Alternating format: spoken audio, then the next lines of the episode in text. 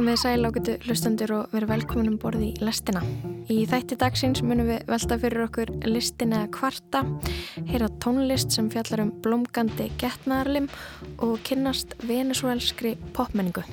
Eftir að ég með dreymdi eitthvað svona draum þar sem að ég var með rísavaksið tippi sem voru að vaksa blóm upp úr og ég var eitthvað svona mér fannst það svo gett fallegt í dröfni og bara gett stolt af því og eitthvað svona fasta æði en svo fann ég hérna að það var eitthvað fólk að koma og ég fann fyrir svona gett mikill skömm. Sko, ég held að Venezuela búið að líta á sjálfan sig eins og uh, hamingja fólk. Þetta hefur alltaf verið svo leiðið það er alltaf bara eitthvað svona joke eða alltaf fólk að dansa og að gera bara eitthvað skemmtileg með daglífi. Ég hef sérstaklega gaman af langsóttu kvarti sem hefur engan tilgang nema sem skemmtefni. Ég er nýt mín besti í aðstæðum þar sem einhver talar á dramatískan hátt um eitthvað smávægilegt. Þetta er þó ákveðin kunst. Kvart getur fljótt breyst í leiðindi og þá er gamanið búið. Ég heiti Lóabjörg Björnstóttir og þetta er lastinn þriðdægin 1. november. En við ætlum að byrja að lestina í dag og því að ræða við Sölku Valstóttur um sólaverkefni hennar Neon Me. Við skulum heyra lægið Flower Fallus.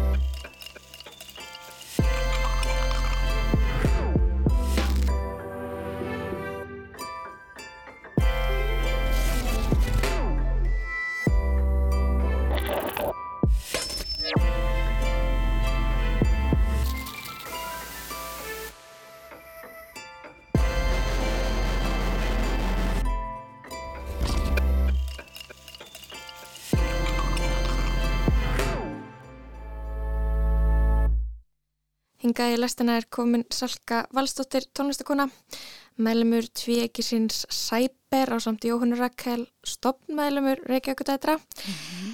uh, hún var nýla tónlistastjóri í Rómi og Júli í þjóðleikúsinu, samti tónlist og flutti á sviðinu. Verstu velkomin Salka. Takk fyrir. Það er ekki langt síðan að lagið I Cry með Cyber kom út, við spilum það í lestinni í síðustu viku. Svo gafst út lagið If I Remember þann 28. oktober og það er greinlega nóg að gera hér. Mitt, það var smá svona... mikið af útgafu. Já, það var mjög... Mitt, ég er með mjög mikið svona sammiskupið gafgvart öllum sem followa mig á samfélagsmeilum að ég er eitthvað fyrirgeðu ég er að gefa út meira Heyra, og, og býða eins, og hérna tónleikar og eitthvað. Þú ert að spila á Airwaves. Já, ég er að spila á svona þetta er eiginlega svona upphitunar kvöld fyrir Airwaves á miðugudaginn mm -hmm. þannig að það er frítt inn en þetta er svona samstarfs uh, svona showcase á milli inni sem er leipilið sem ég er hjá og Airwaves Þannig að þú að spila Cyber eða Neon Me eða Reykjavíkudættir? Ég, ég er að spila með, nei, sorry, með Neon Me á miðugudaginn, svo er ég að spila með Reykjavíkudættir um on-venue á fymtudeginum í listasafninu mm -hmm. og með Cyber off-venue bæða föstudeginum og lögudeginum það er okay. smá svona heilin á mér er mjög miklu svona að reyna að eh, svona komast, ná utanum að vera, þú veist, að spila svona ólík sjó mm. á svona stuttum tíma Emmitt um, þetta er nóga tónlist sem er að koma út. Ertu bara eitthvað óvenni hugmyndarík þessa dagana, er þetta eitthvað svona sem þú ert búin að sitja á lengi og vera að, að sapna í eitthvað sarp yfir smá tíma og ertu bara að gefa það út núna? Um, sko, platan sérst, solo platan mín, hún er búin að vera tilbúin í sko ár næstu svolítið lengi þannig að það er ekki eitthvað, ég er ekki eitthvað að núna drita út skriljón lögum og eitthvað hendaði mm. myndarspott og þetta er búið að vera smá svona langur prósess þar sem að ég er hjá leipili sem er að þú veist, pitcha plötinu á önnur leipil líka og eitthvað svona, mm -hmm. þetta er allt svo lengi í svona meldingar vegi tónlistabransans þannig að það er meira þannig en jú, ég myndi segja að ég sé búin að vera mjög svona þú veist, það er búið að vera mikil framleiðsla síðustu svona tvö árin og núna er mjög mikil svona uppskeru tíð hjá mér. En veit þú, hvernig er soluplatan að koma út? Hún kemur út í byrjun februar okay. um, og ég, það er svona aðeins verið að færa til dagsendingar en þá, en, en hún er allavega staðfest á þeim tíma núna. Mm. Lægi sem við heyrðum hérna í byrjun, þetta er lægi Flower Fallus, um, segjum við hans frá þessu lægi? Já, þetta er fyrsta lagið sem kom út af plötunum minni sem að platan heitir Premiere.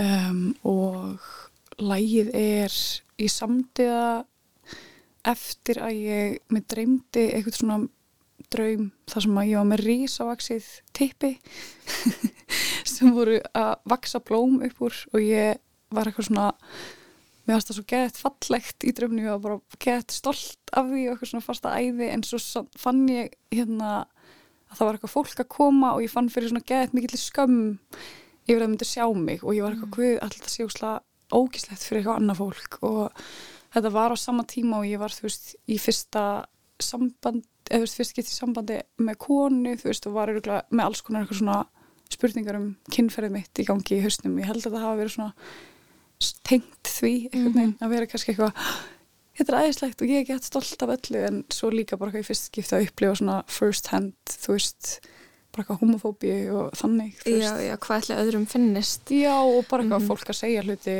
við mann og bara fólk að horfa mann út á götu þú veist, þú veist að mhm. leiða manneskina sem úr með og bara þau bara nýjar svona, þú veist, upplifanir first hand upplifanir, þú veist, þó maður kannski sé að þú veist, í gegnum vini sína mm -hmm. og eitthvað um, Já, en að þetta var svona smá tilkom út af þessu. Svo mm. tók ég upp blóm sem að fyrirvönda kærasta mín gaf mér og það er svona svolítið megin struktúrun í læginu er byggður á hljóðum úr svona blómvendi sem hún gaf mér sem er mjög fyndið.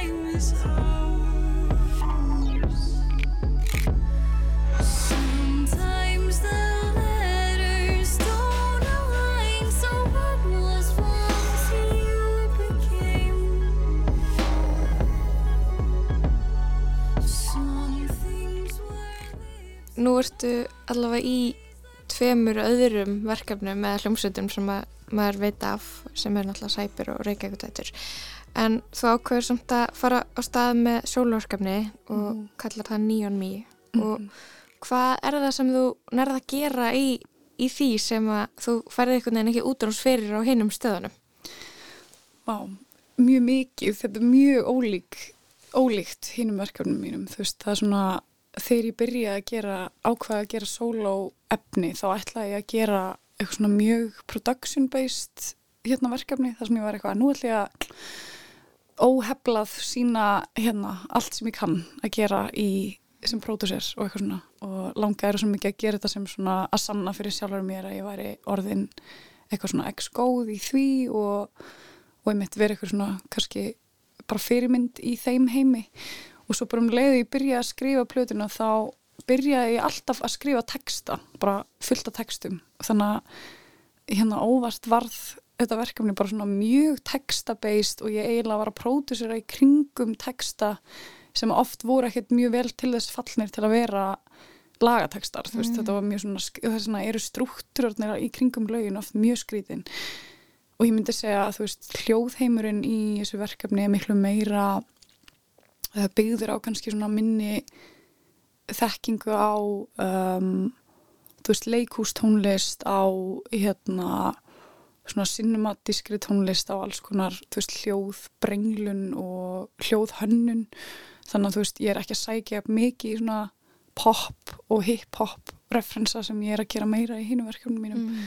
þannig að ég er svolítið svona að einmitt fá kannski útrás fyrir svona alvar, þú veist, innan gæðslafa alvarlegri hérna svona ástminni á þú veist alls konar tónsmíðum og tónlist. Mm -hmm. Fara einhvern veginn að skapa alveg þinn hljóðheim Já. Á þess að gera málamillanir sem er mjög erfitt sko. Ég held Já. að það er svo auðvelt, ég var ekki næst nú þarf ekki að gera neyra málamillanir svo er svo erfitt að finna eitthvað svona hver ert þú í kjarnaðínum sem tónlistamæður þegar það er engin í herbygginu til að vera eitthvað að mynda stemmingu að búa mm. til eitthvað svona smá samspil eitthvað Já, einmitt um, Þú sendið mér aðan uh, þriðja singulina vantalegri plötuðinni, Tí. Mm. Heyrum að þetta lag. Já. Intimacy and tea Intimacy and tea Sugared uncertainty Postilling cutlery You sip it so carefully The window facing the sea Intimacy and tea dissolving dream. Intimacy and tea, intimacy and tea, floating so faithfully. Water and flavoring, your diamonds and ketchup teas, and freckles and leafy trees. Intimacy and tea, dissolving dream.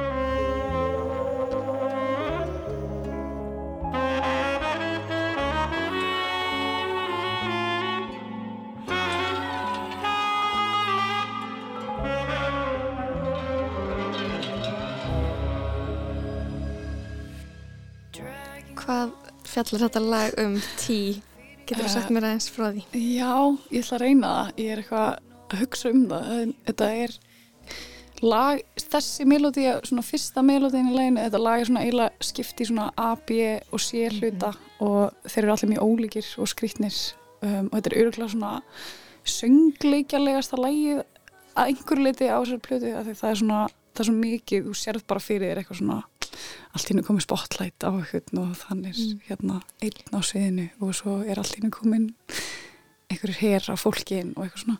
Einmitt, Er þetta, þú veist að segja hérna, nánd og te, intimacy and tea nánd og te, er þetta að tala um te heita drikkin úr laufunum eða tala um te slúður?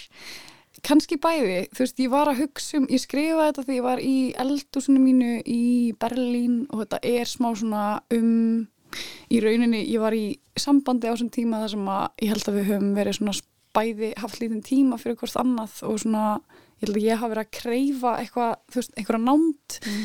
og þetta hafa verið smá svona aspirational texti, eitthvað svona te og við í eldusinu og þú við að horfa á sjóin út um gluggan og bara eitthvað mm. en samt er eitthvað svona tension undir, þú veist, það er eitthvað svona skríti hljómagangurinn er eitthvað neginn ekki kannski nýðudreipandi en ekki, þú veist, heldur upplýfkandi einhvern veginn, það er svona eitthvað svona smá, það er eitthvað undirlegjandi spenna mm -hmm. og mhm. svo þróast lægið að meira og meira úti að vera kannski svona meira bleitandlega að segja, þú veist, það er eitthvað hér í gangi sem er ekki, þú veist, það er eitthvað skítugt einhver skítur í þessu sem að við erum ekki alveg að ná að rinsa og við vitum bæði að við gætum kannski gert eitthvað annað en við, við gerum það ekki mm -hmm. Mitt svona erfileikanir við að fyrir langtíma sambandi Já, ég held mér að þetta hafa verið eitthvað í byrjun COVID eða eitthvað, þú veist, þetta er algjört eitthvað svona isolation. Já. ekki, já, ég veit ekki. Þetta er alltaf eitthvað svona skríti hérna, skrítin svona spenna og óþægindi í gangi í svo lagi, finnst mér. Ég veit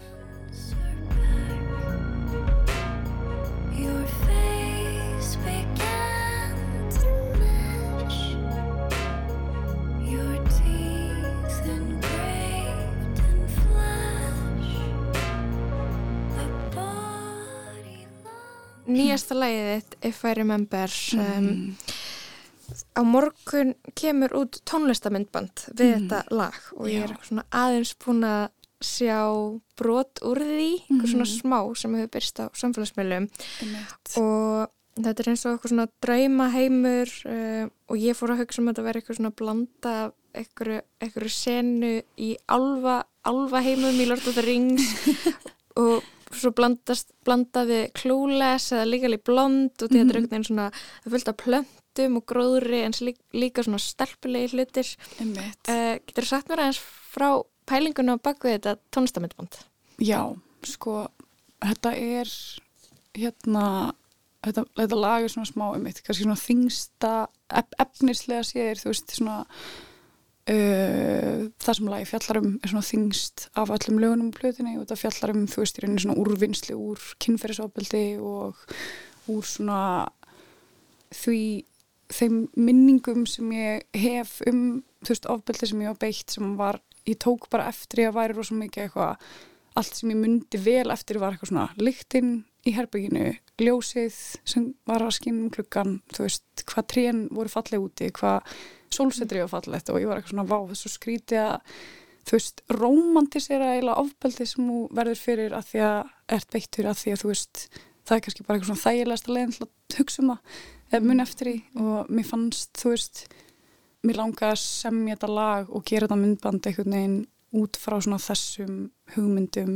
eða þessum minningum og reyna þá kannski að taka þetta fyrirbæri og breyta því úr einhverju svona mjög ljóti í eitthvað fallegt. Eitthvað svona úrvennsla á erfiðum atbyrðum. Mm -hmm. Þetta er reyna bara svona mjög mikið eitthvað áfalla úrvinnsla þetta lag mm. og myndbandi fyrir vikið eitthvað neginn mjög viðkvæmt að finna hvað verður best að gera í þessu myndbandi en Mér langaði að búa til eitthvað svona heim sem væri smá, þú veist, allt er ógislega romantíst og fallegt inn í honum nema textin og fluttningurinn, þú veist, og ég er eiginlega að flytja lægið, þú veist, ég byrja á því að flytja eins og ég sé bara eitthvað, ég er confidant og ég er prinsessa, eitthvað svona, mm. og svo kemur allt í hennu bara eitthvað, einhver sáfsöki og bara eitthvað, ó, ég get ekki alveg gert þetta, mm. en þetta er svona smá eins og þú væri með leikonu á sviði í og þú getur ekki hægt að performera en þú er bara allir inn að fá þú veist, allir inn bara að koma upp eitthvað major tráma og þú þarfst eitthvað að pussa í gegnum það, í gegnum performance þannig að mm. þetta er mjög mikið svona spenna á milli einhver sem er undirleikjandi og er að koma upp og síðan einhver svona ótrúlega stælæst heimur í kringum mm. og þú veist, gett fallegt hár, fallega neklur Svona fallegar umbúðir Fallegar umbúðir en svona mm. mjög mikið eitthvað svona kræmandi hérna erfiðleik, kræmandi erfiðleikar undir neyri. Mm. Með hverjum gerur þetta tónlistamöndband? Uh, ég vanna með Blair Alexander sem er kærasta minn og hann við svona eila kóleikstýrum því og skrifum handritið og hann sérst skaut videóið og svona við erum svo mikið, þú veist, settum þetta saman saman, mm. saman, saman. Og er þetta tekið upp í íbúinu þinni? Já, þetta er heimið á mér við sko mm. Algjörlega þú veist, rústum heimilinu mínu til að gera það og fylltum það af, þú veist, 40, sko, já, 40-50 gerfi plöndur mm og 100 kíló að gerfi snjó og eitthvað, þannig að það var bara svona, ég þurfti bara svona fullkomlega aftengjast hús heimilu mínu og bara þetta er núna sett Aha. og ég bý ekki hér, eitthvað. Einmitt, og það er eitthvað já, það er ógustlega hendugt að taka upp eitthvað svona vídeo heima og, svo, og það, við erum bara hér og við getum gert það sem við viljum og svo uh, er maður bara í íbúðinni og hún er lítil og það þarf að einmitt. einmitt. Það sem var næst við að var svona, þetta var þú veist mjög krefjandi fyrir mig svona fluttningurinn á sig að þetta er svolítið mikið leikur og ég er mhm. ekki leikari að ment eða starfi þannig að ég svona þú veist, gæt einhvern veginn lappa í gegnum þetta eins oft og ég vildi að því ég bý á settinu, mm. þú veist, að menn ég hefði kannski átt í erfiðleikum með að ef ég þurfti bara allt inn að lappin í eitthvað nýtt umhverfi og gera þetta. Ummitt, þannig að þú veist svona smá á, í, inn, inn, inn í þínum þægind ramma heima. Já, alltaf. Um, erstu búin að klára að gefa út það sem brennur á þér eða erstu með fleiri hugmyndir að meiri tónlist sem þið langar að búa til og gefa út eða ertu tómi í bylli? Ég er allavega að gera fullt af tónlist hvort sem að mér líkar betur eða verð sko. okay. en þú veist það er jú, mér finnst bara ég er, þú veist núna komin með svo ógisla mörg ólík átpút fyrir tónlistina mína þú veist og líka í leikúsinu og líka ég er að þú veist gera meira fyrir kveikmyndir núna og ég er að vinna með grænlænskri tónlistakonu að nýri tónlist sem er á austur grænlænsku og eitthvað svona alveg nýtt mm -hmm. dæmi sem er líka gett ólíkt öllu sem ég gerst þannig að ég er eitthvað neinn í algjöru svona móti þar sem að ég er að leifa mér að vera bara alls konar og gera óksla mikið. Þannig að mm. það er bara nóg að hérna eitthvað neinn matla í hausnum á mér. Um, Tónlistamindbandi kemur út á morgun vendalega á YouTube. Ætlar að halda eitthvað upp á það? Verður frumsynningapartí Ég hérna, er að spila þann um kvöldi og ætla að sína bara vídjóið eftir tónleikana. Þá ætlum við að bara varpa því á skjá þannig að það verður smá svona eitthvað yey, okay. moment eftir tónleikana. Við skulum enda þetta spjall á nýjasta læginu með Neon Me Sölku Valstóttir þetta er lægið If I Remember. Takk kella fyrir komuna í lestina Sölka. Takk fyrir að fá mig. I recognize this feeling from a thrill or a curse book with your name on it. It has a taste and a smell, metallic and burnt. And it travels from stomach to kidneys to toes. It explodes in your throat, it explodes, but why? So you ask to take five to slip out for a smoke of your smokes on your coat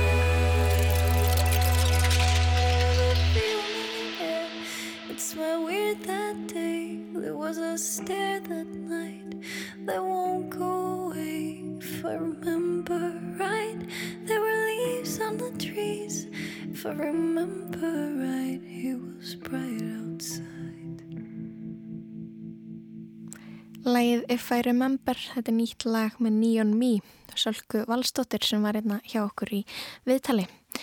En úr tónlistinni í kvart, nöldur, nagg og töð því næstur á mælindaskrá er Patrikur Björgunsson. Hann hefur verið með pisla hérna hjá okkur í lastinni undafarnar vikur þar sem hann velti fyrir sér fyrirbærum í alþýðumenningu Íslendinga. Hann er búin að fjalla um hefðina að skýra húsbíla, hlutverk trúpadora og tóró púruleiksúpu en í dag ætlar hann að fjalla um listina að kvarta. Exactly like right much, much. Saw this guy in a train and they seem to have gotten stuck in one of those abstract chances and he was going and Fred said think he's in some kind of pain. I think it's a pain cry. And I said, pain cry? Then language is a virus. Language, it's a virus. Við sem búum á Íslandi eigum okkur hefðir og siði í tungumálinu og samskiptum. Oft er það nefnt sem skemmtileg staðrind hversu mörg orð við eigum yfir hinn ímsu veðubriði enda tölum við um fátt annað en veðrið. En við tölum ekki bara um veðrið, í flestum tilfellum kvörtum við yfir því. Sumrin getur alltaf verið betri og ef ekki þá reyfjum við upp sumari áður. Veturnir eru ímist of kaldir eða snjólitlir og grasið annarkvort of seint eða of snemma að grænka á vorin. Raunar er veðrið ekki það eina sem við kvörtum yfir.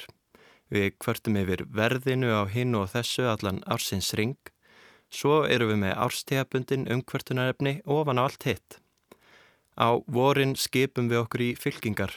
Annars vegar er kvarta yfir öllu umstanginu og peningunum sem fara í Eurovision og hins vegar er kvarta yfir fólkinu sem kvartar yfir Eurovision. Já og hinum norrænu þjóðunum fyrir að svíkja okkur um stig. Á sumrin kvörtum við yfir að komast ekkert fyrir ferðamönnum og svo þegar líða tekur á haustið þá kvörtum við yfir hversu snemma jólalögin byrja í útvarpinu. Kvartið hefur orðið meira ábyrrandi með tilkomu samfélagsmiðla. Á Facebook er nöldrað í kommentum og á Twitter er kvartað yfir nöldrinu á Facebook. Það eru meira að segja til Facebook-hópar tilengaði kvarti eins og sögur af dónalögum viðskiptavinnum. Svo virðast reyndar íbóhópar vera gerðir til þess að kvarta yfir hundaskít og flugöldum. Þessi yðja er innbyggð og alinn upp í okkur og gæti að talist þjóðar íþrótt okkar, svo æfð erum við í henni. Ég heyri það sjaldan nefnt sem skemmtilega staðrind hversu mörg orð við Íslandikar eigum við kvart, þó það sé álíka áhugavert og jafnvel betur lýsandi en veðurorðin. Kvart, nöldur, röfl, nagg, tuð, væl, þrás og svo mætti lengi telja. Ég er lítið frábriðinn samlöndum mínum og yfka nöldur eins og það sé trúabröð. Ég hef gaman af því að kvarta og þeikir fátt skemmtilegra en að finna slemt í góðu. Ég hef sérstaklega gaman af langsóttu kvarti sem hefur engan tilgang nema sem skemmtefni. Ég nýt mín besti í aðstæðum þar sem einhver talar á dramatískan háttum eitthvað smávægilegt. Þetta er þó ákveðin kunst Kvart getur fljótt breyst í leiðindi og þá er gamanið búið. Það er línudansa lenda ekki í bagtali eða slúðri þó flestir taki endurum og eins þátt í svoleiðis óskunda. Kvartið sem dægrasteyting er ákveðin leikur. Í mínum augum þarf kvart að byggja á einhverjum raukstöningi. Má ekki veri of mikilli sjálfsvorkun og passa þarf að það snúist ekki upp í leiðindi. Kvartið skal helst vera um veraldlega hluti eða aðstæður og ef það er um fólk þá þarf helst að vera kýla upp fyrir sig. Fyrir mér skal kvart ekki endurtekið við sömu manneskuna nema nýr vingill finnist. Mér leiðist að heyra eða segja sömu skoðunina aftur. Ég hef sérstakka ánæg af því að kvart undan einhverju sem trubla mig í rauninni ekki neitt. Þá fæl skemtanagildi í því hversu langsóttur ég get verið. Ég byrja á því að ákveða hlutin sem ég tek fyrir og veit að niðurstaðan á að vera að hann pyrra mig. En leikurinn fælst í að finna leiðina frá A til B, frá atbyrði til pyrrings. Mér finnst sá sem kvartar ekki einu sinni þurfa að vera sammála því sem hann segir. Hann þarf bara að geta raukstutt hvernig hann komst að niðurstöðinni. Ég geti setið stundunum saman og hlustað á einhvern segja frá því í smátrum hvernig eitthvað lítilvægilegt er áras á hann sem personu eða friðin sem hann á rétt á að búa við. Aðal atrið er að kvartið sé leikur. Til þess að leikurinn geti hafist þarf að eiga sér stað sameinleg upplifun, svo ferða eftir hversu vel fólkið þekkist hvernig kvartið byrjar. Ef það þekkist mjög vel er hægt að leysa frá skjóðunum leið. Jafnvel er gefin vísbending með augnaráði á meðan atbyrðurinn á sér stað um að þegar næði gefst verði kvartað yfir atbyrðunum. Hins vegar, ef fólk þekki slítið, það á sér stað eins konar forleikur þar sem jarðvegurinn er ansakaður. Annar kastar jafnvel frá sér beitu í formi spurningar á borði hvað fannst þér um þessa upplifun? Þá er oft óbeint verið að byggja um leiði til þess að fá að kvarta yfir upplifuninni þá liggur í höndum móttakanda hvort hann býti á agnið eða ekki. Eins getur beitan verið í svari eða staðhæfingu sem gæti virst jákvæð á bladi en er sögð með þannig blæbriðum að móttakanda gruni að eitthvað meira búi að baki. Við tökum dæmi.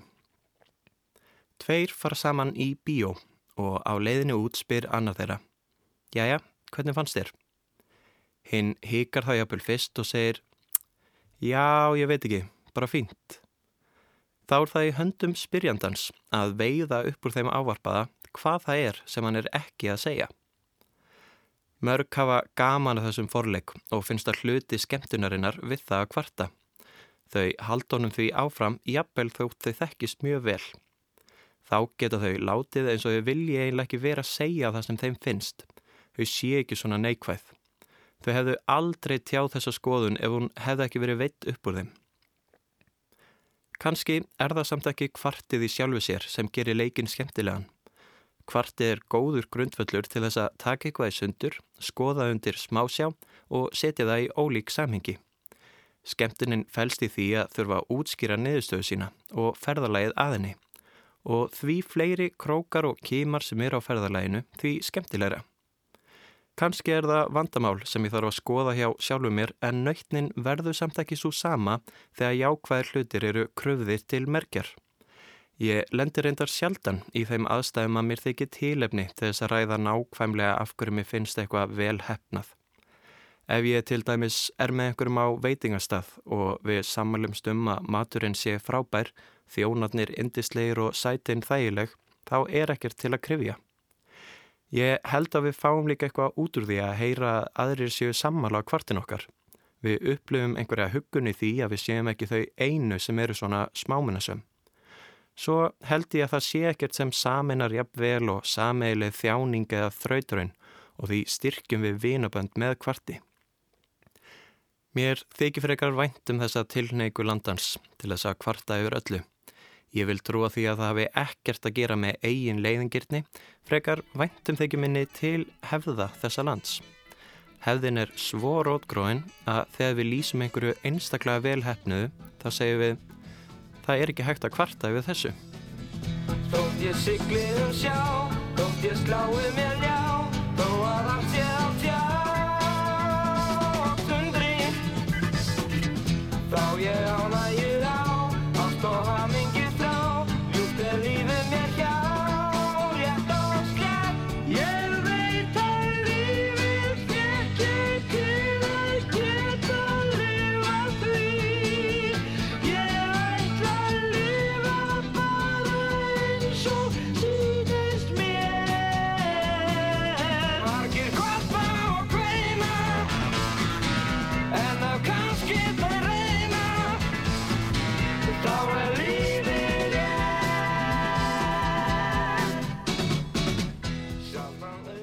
Læð lífsgleði með hljómum.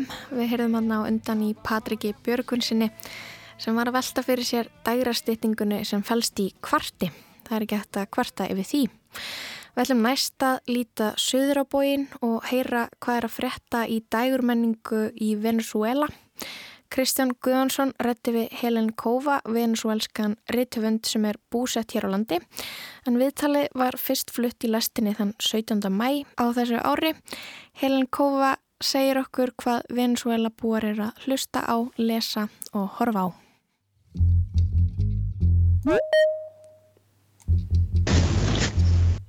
Halló Hæ, Hæ, heyriðu mig? ég heyri í þér Hvað segir þið gott? Ég segi bara allt fínt, en þú? Bara, Bara gott loksins sumar komið hingað. Já, er, kom, er komið uh, sumar á flatteri Já, aðeins. Það var mikið snjó síðasta viku, bara rútnandi, sko. Sobre el mar de Margarita, la luna hoy se ve casi llena.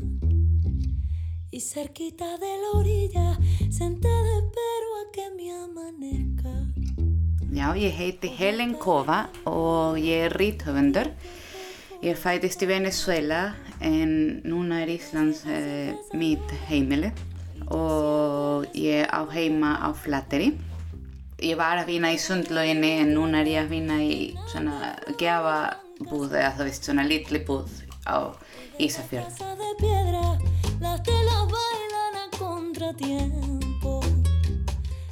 Kanski bara að byrja með sko, menningarleg sjálfsmynd Venezuela búa Íslendingar líta svolítið á sig sem hafa litið á sig sem bókaþjóð Hvernig, hvernig líta Venezuela búar á sig? Sko, ég held að Venezuela búið að líta á sjálfan sig eins og uh, hamingja fólk. Þetta hefur alltaf verið svo leiðið. Það er alltaf bara eitthvað svona joke eða uh, alltaf fólk að dansa og að gera bara eitthvað skemmtileg með daglífið. Ah, fyrir. Um,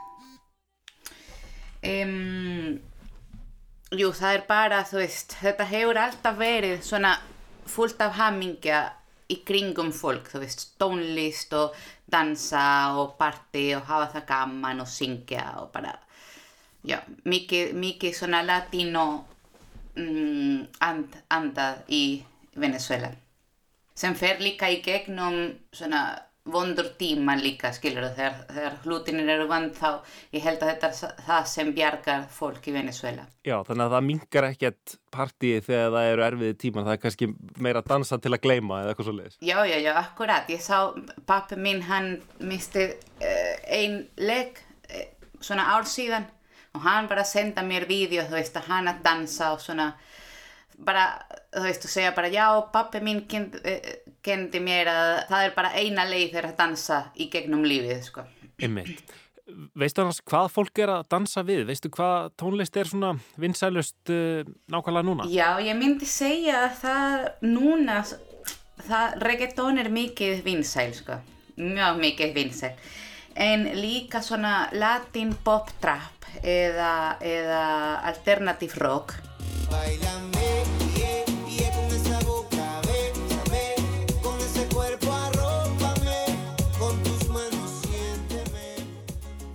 og auðvitað alls, eh, þetta sem hefur alltaf verið eins og salsa og merengue sem er mikið í okkar skilur og e, drömmar líka það er ég get ekki hlusta á drömmur þá byrja ég bara þú veist að dansa þetta er svona eitthvað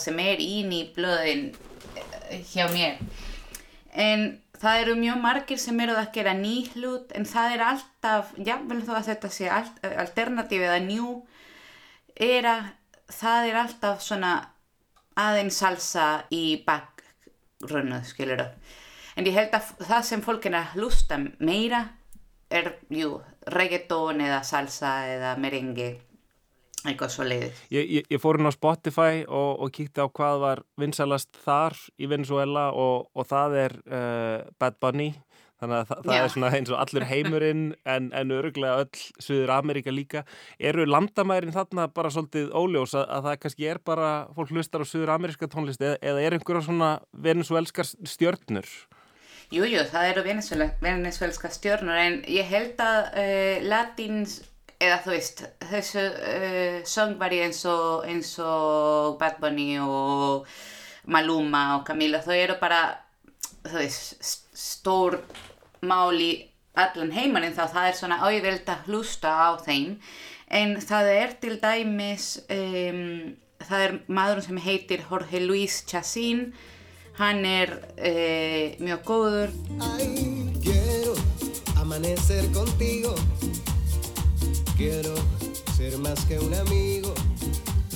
Quiero que... og það er konan sem heitir Nella sem mér finnst hún er frábær sko sem eru mér finnst bara quality tónlist í Venezuela.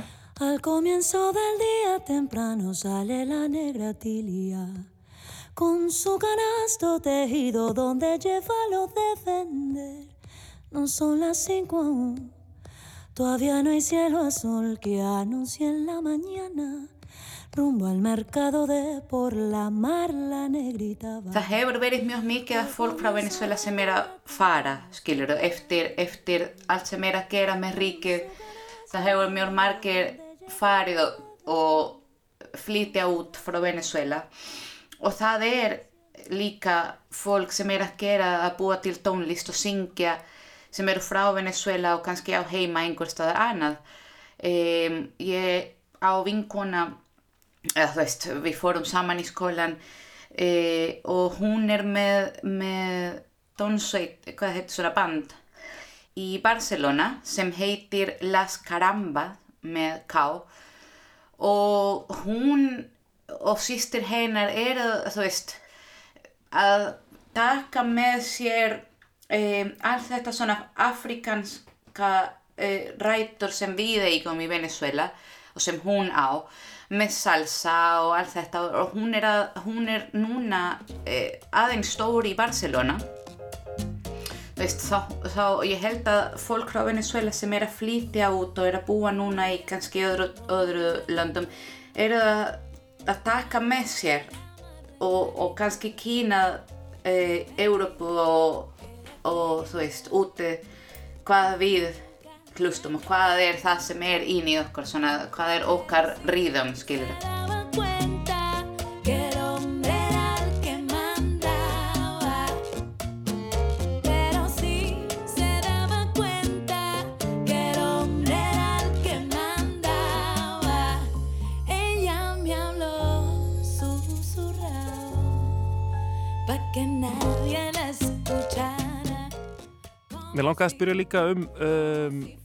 hvað fólk er að horfa á, hvort það sé ykkur að bíómyndir eða sjómanstættir uh, sem, sem eru sérstaklega vins, vinsalegri. Maður hefur heyrt um svona suður amerískar sábóperur sem, sem eru mjög vinsalegri. Er, er, er það þannig líka í Venezuela? Það var, það var mjög mikið sko í, í já, svona fyrir, ég veit ekki, 10-15 ár þegar ég kom fyrst til Íslands og, og ég kynntið maðurinn mín mér fannst og þú veist þetta var ótrúlega fyrir mig að hlusta á, á hérna, tengda mamma var að horfa á soap opera frá Venezuela og ég var bara, hæ, hvað hva menir þau? Það er því mýður búinn núna með Netflix og allt þetta og líka það er mjög erfitt að halda upp á sjónvarp held ég út um allt þú veist að það er allt fer núna í gegnum netið og sérstaklega í Venezuela þar sem, þar sem aðstæðin er svona erfitt til að halda áfram að búa til eitthvað svo leiðis en, en ég var einmitt að, að skoða á Netflix og það er e, það, þáttir sem er vinsælasta núna eða þú veist sem var, sem hefur verið er Pablo Escobar sem talar um, um e, droglord. Um, og svo mér fannst líka áhugavert að það er eh, einn sem er mjög stór núna er eh, Ogli Betty Yo soy Betty la fea sem var, þú veist þegar ég var tíu ára eða eitthvað við vorum að horfa á þetta þættir sem er frá Kolumbia mamma mín og ég, mjög góður þættir eh, í en núna er fólk aftur að horfa Netflix. Þá þetta er svona aðeins fólk er að horfa eitthvað nýtt en að fara aftur og horfa það sem var, þú veist, jú, við vorum, sem við alum upp með eins og Betty la Fea, en það var mjög mikið, eh, mjög, mjög margir eh, soap opera sem voru gerði í Venezuela, en það er hægt núna, það er ekki... Já, hérna sjómas og, og, og kveikmyndaframlegsla er náttúrulega kannski svona dýr eh, menningarframlegsla og, og það kannski er þá minna um það í, í Venezuela núna heldur en kannski já, ódýrari framleiðsli eins og tónlist eða, eitthvað þannig. Já, akkurat og líka, líka e, hvernig séum maður svona the channels, sjávarstöðurnar hefur verið e, mjög mikið politísk og farið í gegnum e, þetta er svona lang, langsaga en, en það voru lókaðar nokkrar í sín tíma þú veist og svo allt leikarinn sem voru í það fóruð svona mótmæli og vildið ekki vera oh, Býtti nú eða þú ert frosinn. Hm.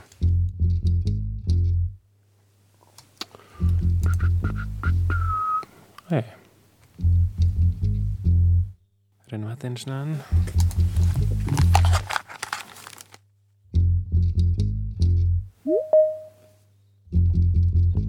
Hæ. Hæ. Hæ, fyrir geðu. Á, ekkert mál. Þetta var ekki að virka, ég þurfti að restarta tvísvar. Æj, æj, skrítið. En mér langaði að segja áður en við, að við þáttum öll að jáfnvel svo að það séð ekki mikið sjónvarpað gerast. Það sem hefur gerst núna er að allt þessu leikari sem voru í sjónvarpið eru núna út í göttu að gera, þú veist, lífandi uh, leiksýning. Og þetta er eitthvað sem er mjög, mjög stort núna. Uh, þá, maður myndi segja, þú veist, að, að sjónvarpi sem var starsta uh, um, sörs af, af þættir og svoleiðis hefur verið svona squashed en, en ekki, ekki killed like the TV has been squashed but not killed. Þá núna það sem gerir þetta, svona, þetta sprakki svona lítli alls konar lítlu og ég var að tala við, við frænda mín. Hún var að segja mér að þetta er mjög algengt núna. Þú veist að fara það er svona leikrið út um allt. Svona microtheaters inn í húsum eða inn í uh, þú veist inn í uh, háskólum eða bara núna allt uh, like all the spaces hefur verið breytt í menningu space, eh, menningu skilur þá það sem er stærsta núna í Venezuela er ekki, ekki sjónvarp heldur leikrit og leiksýningu uh, sérstaklega svona minni út í gott eða út á í, í svona óhefbundum rýmum og, og, já, og í rauninni bara þá í rauninni bara göduleikus eitthvað neginn það, Já, það, já, er mjög, mjög aðteglisvert hérna um, en, en hafa, hafa aðrir miðlar kannski, veist ef þessar svona hefbundu sjónvastöðar hafa, hafa uh, þeim verið lokað eða þær, þær, þær hérna, uh, kramdar uh, hérna hefur fólk verið þá kannski að grípa til hluta eins og að- gera hluti inn á YouTube eða einhvern veginn inn á netið, veistu það? Já, já, já, já, það er bara alls konar. Það er mikið eh, af eh, samfélagsmiðla í Venezuela. Fólk notar eins og hér, þú veist, eh, Snapchat og Instagram og YouTube og allt þetta. Og, eh, og svo er sérstaklega st- sterk í Twitter. Út af að við að, eins og ég var að segja, sjónvarp hefur dotið út svolítið mikið. Þá núna þetta er líka eins og svona street uh, fréttir skilur eða þú veist það er fólk að halda fólk í lín eða þú veist í, í, í in the present með hvað er að gerast í Venezuela þá fólk hefur tekið það á sér og gerir það í gegnum sam, uh, samfélagsmiðla sem mér finnst svakaleg og til dæmis þegar það var mikið af mótmælun út í gottu þá var allir á Twitter þú veist að, að fylgjast með og í rauninni fréttirnar og, og the free speech er í þessum. Og fólk nota mikið, mjög mikið líka WhatsApp sem er ekki hér á Íslandi sem fólk notar ekki. Þá ég held í Venezuela fólk notar minna Facebook og meira eh, WhatsApp til það til þess að tala við hvort aðra. Og líka því að það hefur verið svo margir það er allir, eða þú veist, það eru mjög margir foreldra sem eiga að minnsta kosti ein börn út, þú veist, í útlöndum. Þá, þá uh, WhatsApp hefur verið mjög uh, useful.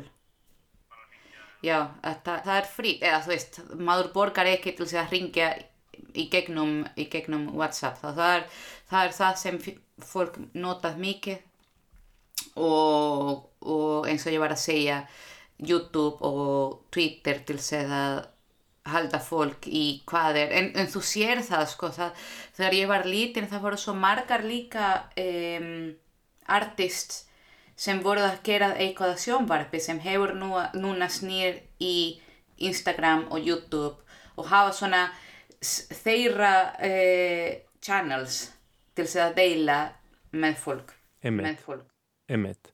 Hérna, mér langaði að spyrja sko að því að um, einmitt ástandið hefur verið svona slæmt og eins og segir þá hefur verið að þrengja að ímiskunar frjálsri tjáningu og, og, og, og menningar, menningar sköpun. Er, um, er mikið verið að einhvern veginn fjalla um pólitík í listinni? Eru Venezuelamenn, hérna, já, eru, eru þeir mikið að, að fást við einhvern veginn þessi pólitísku málefni og ástandið í listinni? Já, já, já, já.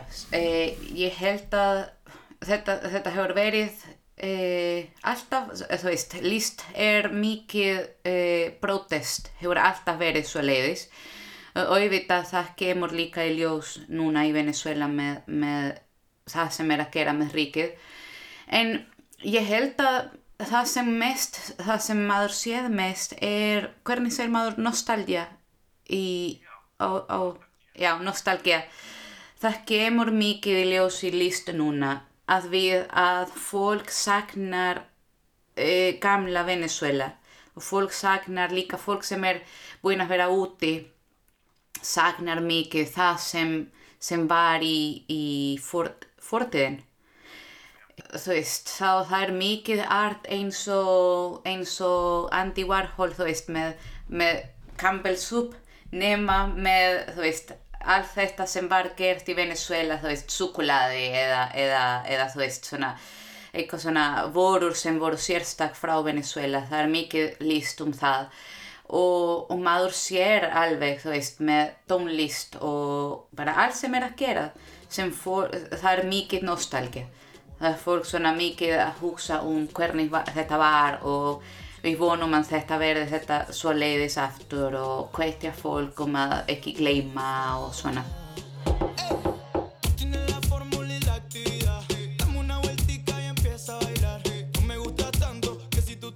Við ætlum líka kannski að tala eitthvað aðeins um, um bókbendir. Er, er, er fólk að gefa mikið út bækur í, í dag? Er mikil, mikil bókbenda sena? Mm, ég myndi segja það ekki sko. Ég held að það sé meira, það sem er að fara að gera meira núna er leikri eða þú veist svona þýjarur og, og tónlist.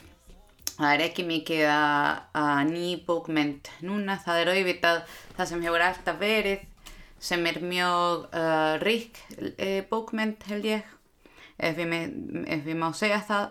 Og hérna en, en, nei, en bókmynd það sko bókmynd í Suður-Ameríku er ekki einn stór og, myndi, og það myndi vera á, á Íslandi eða Európu sérstaklega á Íslandi. Mér finnst índel hvernig það er svona sterk hér á Íslandi en fólk lesir ekki svona mikið í, í Venezuela því miður. Um, en ég get samt uh, nefna svona nokkrar uh, bókmynd, eða þú veist, ríthöfundur. Uh, til dæmis það er Teresa de la Parra með bókin hennar, einn stór bókin hennar sem heitir Ifigenia og Antonia Palacios með Una niña decente Rómulo Gallegos, ég skal senda þér líka að skrifa allt þetta Rómulo Gallegos sem er svona stærsta, ég myndi segja stærsta uh, bók eða þú veist svona example af bókmynd í Venezuela sem er, hann er með Doña Bárbara og einn sem ég alltaf talað um sem er Kumboto sem talar mikið um uh, hvernig var með uh, svart fólk í Venezuela og hvitt fólk svo við saman Aðteglisvert, Helen Kóva, reytumundur, takk kærlega fyrir að spjalla við mig um menningu upprunalandsþýns, Venezuela og ég byrð bara að hilsa vestur á flateri. Takk fyrir. Ya no quedan amigos que despedir, no queda ni un solo libro que reescribir, no queda noche de vino ni amanecer, ni ropa tuya en mi suelo que recoger, no quedan cartas lag með tónlistakonunni Nella sem er venezuelsk tónlistakonna sem Helen Kova saði frá. Kristján Guðjónsson rætti við hanna en þetta viðtal var fyrst flutt í lastinni í mæ fyrir ornu. En þá er komið leðalokum í lastinni í dag. Ég heiti Lóa Björk Björnsdóttir og tæknumæður var Litja Gretastóttir. Við verum hér aftur á sama tíma á morgun. Verið sæl.